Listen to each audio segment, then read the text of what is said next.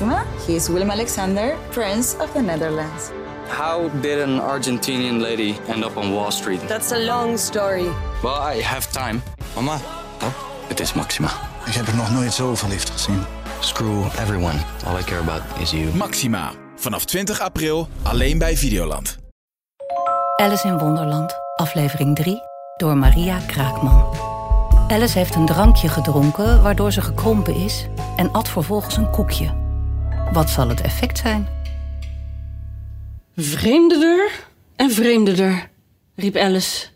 Ze was zo stom verbaasd dat ze eventjes compleet vergeten was hoe je ook alweer goed Nederlands sprak.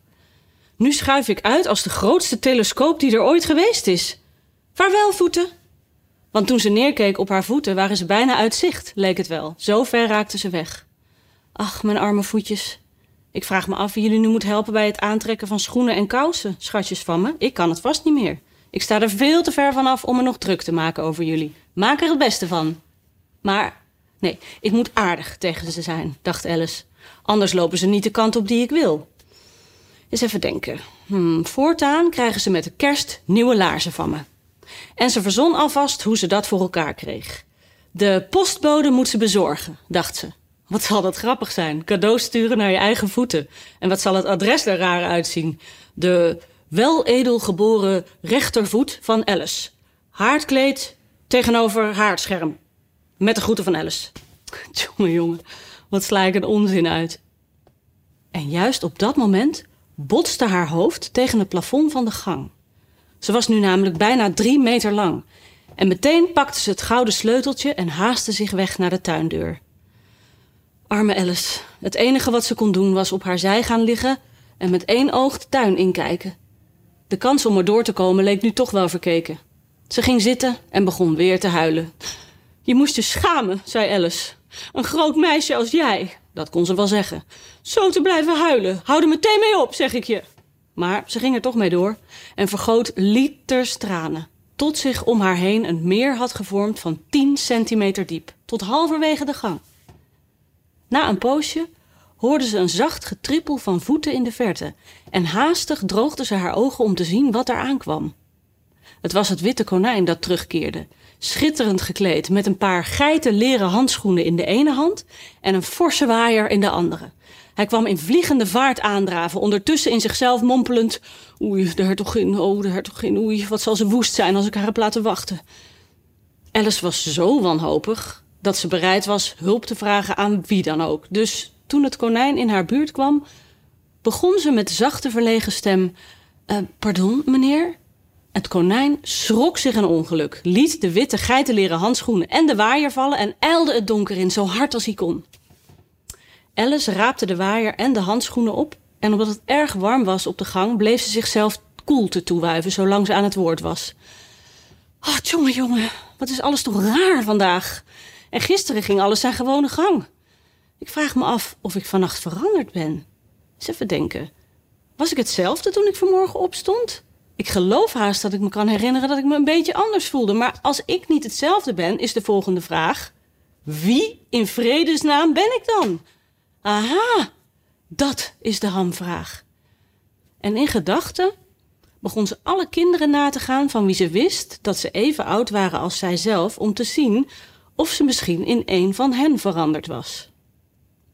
Hm, ik weet zeker dat ik Ada niet ben, zei ze, want haar haar valt in van die lange krullen en het mijne krult helemaal niet. En ik weet zeker dat ik Mabel niet kan zijn, want ik weet een heleboel en zij, ach, zij weet zo ontzettend weinig.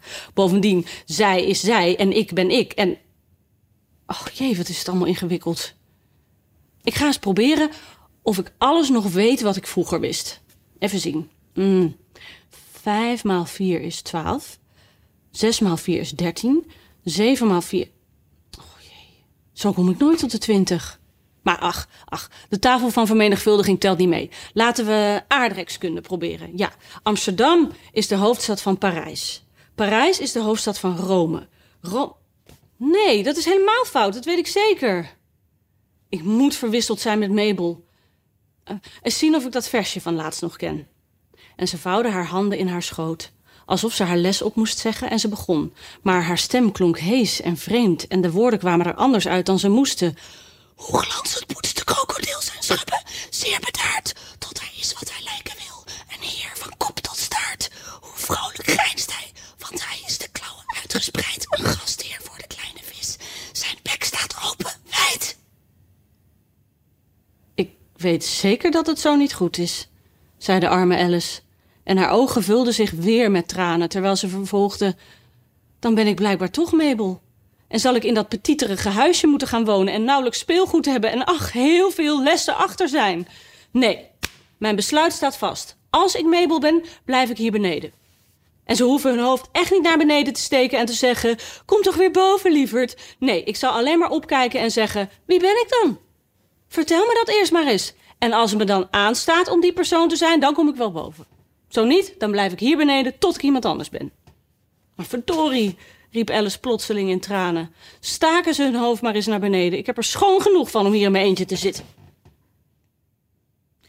Terwijl ze dat zei, viel haar blik op haar handen. En verrast zag ze dat onder het praten ze een van de witte geitenleren handschoentjes van het konijn had aangetrokken. Hoe kan ik dat nou gedaan hebben? dacht ze. Ik word zeker weer kleiner. Ze stond op en ging naar de tafel om zich met behulp daarvan te meten.